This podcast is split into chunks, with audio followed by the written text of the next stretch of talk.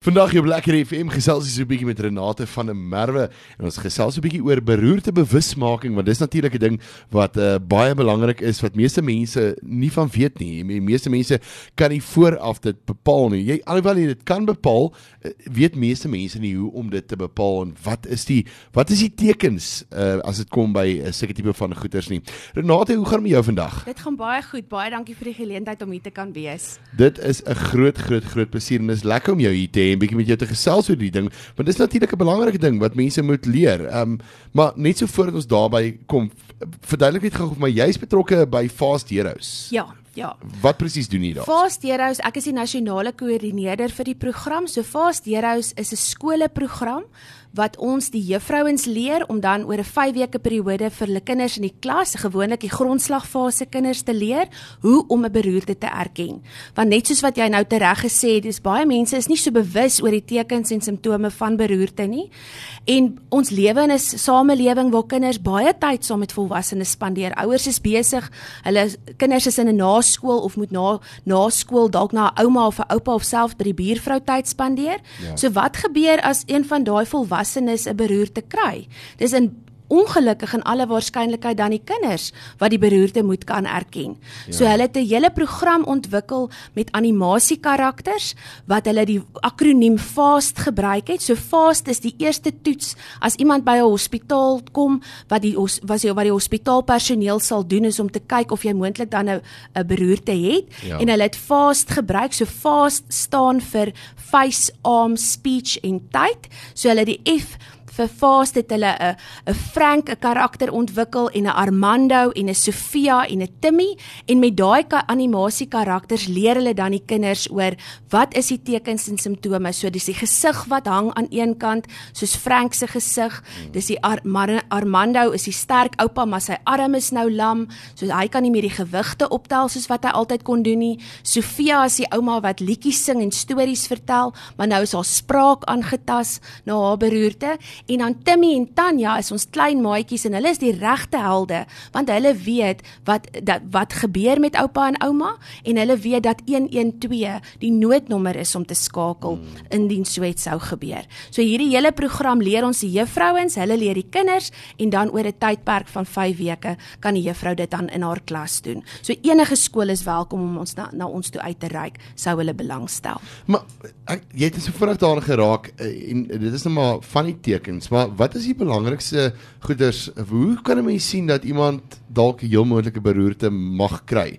Wat waarna kyk 'n mens? Dink dit is maar daai algemene goed wat die dokter altyd vir jou sê ja. om na te na te kyk. Daar's 'n klomp risikofaktore wat 'n rol kan speel. Dis maar die algemene goed soos jou hoë bloeddruk, ehm um, cholesterol, of jy diabetes of jy roker is. Rook speel ongelukkig 'n ja. baie groot rol. Familiegeskiedenis speel ook ongelukkig 'n baie groot rol. So dis baie keer 'n kombinasie faktore. Daar's ook 'n toestand wat hulle noem atriale fibrillasie. Dis nou 'n baie groot woord wat maar basies beteken ja. dat jou hart se ritme nie reg is nie en wat beteken dat daar soms bloed in jou hart agterbly wat 'n klont kan veroorsaak. Ja. En daai klont is baie keer 'n groot oorsaak van 'n beroerte wat later plaasvind. So daai siekte toestande en die kombinasie daarvan tesame met leefstyl, die eet um jy weet aktiwiteit, daai ja. tipe dinge speel 'n baie groot rol in jou risiko om of nie 'n beroerte te kan kry nie. Die Wêreldgesondheidsorganisasie se statistieke sê dat 1 uit 4 persone 'n uh, 'n beroerte moontlikheid het om 'n beroerte te kan kry. En om dit in konteks te plaas, dis nou ook ongelukkig hierdie maand 'n um, borskanker maand. Ja. En om dit in konteks te plaas daarmee, die statistieke sê 1 uit 27 vrouens kan 'n kan borskanker ontwikkel, ja. maar 1 uit 4 persone persone kan kan beroerte kry net om vir jou te wys hoe algemeen is beroertes eintlik. En weet as mens nou kyk na skole en so uh, aan hoe kan skole julle benader en hoe kan hulle julle kontak? Waar kan hulle 'n bietjie meer inligting kry oor julle? Baie dankie vir daai vraag. Hulle kan op ons webtuiste gaan kyk by www.fastheroes.com. Hmm. Hulle kan ook op ons Facebookblad gaan kyk. So dit is net Fast Heroes South Africa. En dan is het ons ook 'n YouTube kanaal met vreeslike oulike video's wat as jy weet as die juffrouens of die ouers dalk geïnteresseerd is, dan kan hulle so lank van die ja. van die video's ook daarop gaan kyk en daar is ook natuurlik 'n Instagram bladsy ook. So hulle is welkom op enige van daai platforms is ons kontakbesonderhede. Hulle is baie welkom om daarna ons toe uit te ry. En as laat ek dit so stel net eers as daar kinders is wat nou op so 'n tipe van ding afkom. Ehm um, weet help julle ook met trauma en daai tipe van uh, raad uh, hoe hoe gaan mense te werk met dit?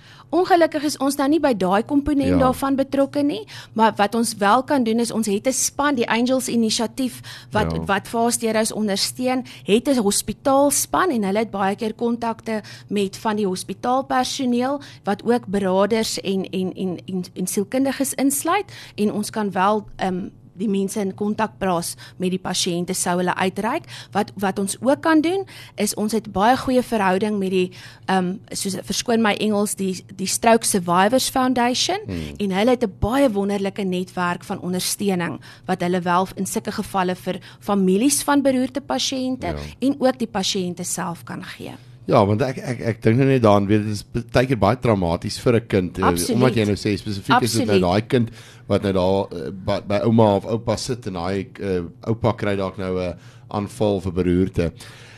Wat doen julle om om dan fondse bymekaar te kry om hierdie ding want ek ek kan dink weet mense het nog mense het geld nodig vir hierdie tipe van dinge om dit te kan doen en mense te kan bewus maak. Mense mense kan dit net heeltyd verniet nie want daar's petrolgeld betrokke, daar's verskillende dinge betrokke. Ja. Wat julle het natuurlik nou so 'n van rande vir ding wat gebeur nê. Nee. Ja, ons te same met Elm Join en met die ondersteuning van die Voortrekker Monument en ook met samewerking met Dr Kroon van Steve Biko het 'n ongelooflike lekker familiedag wat beplan word vir die 28ste Oktober. So dis Saterdag 28 Oktober wat daar 'n verskoon my Engels maar 'n van run 'n pretloop gaan gebeur, 'n ja. 2 km en 'n 5 km en dan ook ook op die dag is word daar gratis gesondheidstoetsing gedoen. So ons gaan 'n bietjie kyk na die mense se bloeddruk en glikose toetse, gehoortoetse deur HearX, oogtoetse, EKG's gaan gedoen word en daar sal ook 'n dieetkundige op die dag beskikbaar wees. So as jy inskryf vir die pretloop, het jy gratis toegang tot al hierdie lekker dienste en dit is 'n wonderlike pret familiedag wat jy kan kom meemaak. So ons nooi almal uit wat in die Pretoria omgewing en Centurion omgewing is om asseblief te kom deel maak van daai dag op 28 Oktober. En waar kan hulle 'n bietjie meer inligting kry oor hierdie? Is dit is daar 'n Facebook bladsy wat hulle kan gaan volg? Hulle kan media? op Fast Hero se Facebook bladsy kan gaan kyk. Ehm um, en dan sal ons ook seker maak dat Lekker FM die kontakbesonderhede het. Baie baie dankie. So laaste woordjie van jou kant af vir nog ietsie wat dalk belangrik is wat uh, wat mense nie weet van van beroertes en Swani. Die grootste ding, die grootste faktor as dit kom by beroerte is ja. tyd hoe langer mens vat om by die hospitaal by die regte hospitaal uit te kom, hoe groter is jou kans vir 'n slegte uitkoms na beroerte. Ja. So mens moenie wag nie. Baie keer voel mense, ag ek gaan eerder eers bietjie lê en as dit nie beter word nie, sal ek later dan hospitaal toe gaan of dokter toe gaan.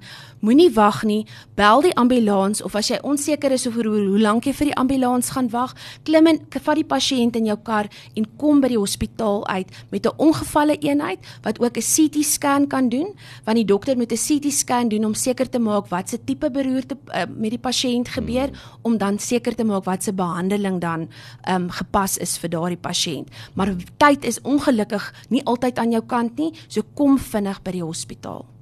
Renate was baie lekker geweest om met jou te kon kuier uh, vandag hier so op Lekker FM is 'n bietjie meer te kon uitvind oor beroertes en uh, waarna mense moet kyk en alles en ek het nooit geweet dat daar er, 'n uh, dat hulle 'n program uit vir kinders nie. Mense het nou altyd gedink luister weet dis nou groot mense wat nou hierdie dinge moet be behandel en beheer en moet weet daarvan maar uh, dit is dit dit maak nou sin hoekom jy nou vir my spesifiek sê dat daar 'n kinderprogram moet wees. Ja.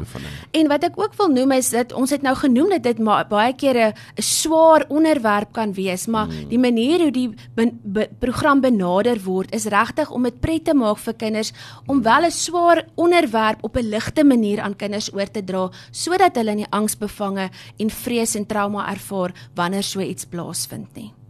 Renate baie baie dankie. Dit was baie lekker gewees om met jou te gesels en kan nie wag om weer 'n bietjie te gesels en 'n bietjie meer uit te vind nie. Vreeslik dankie. Lekker dag vir almal. Daar's hy. Totsiens.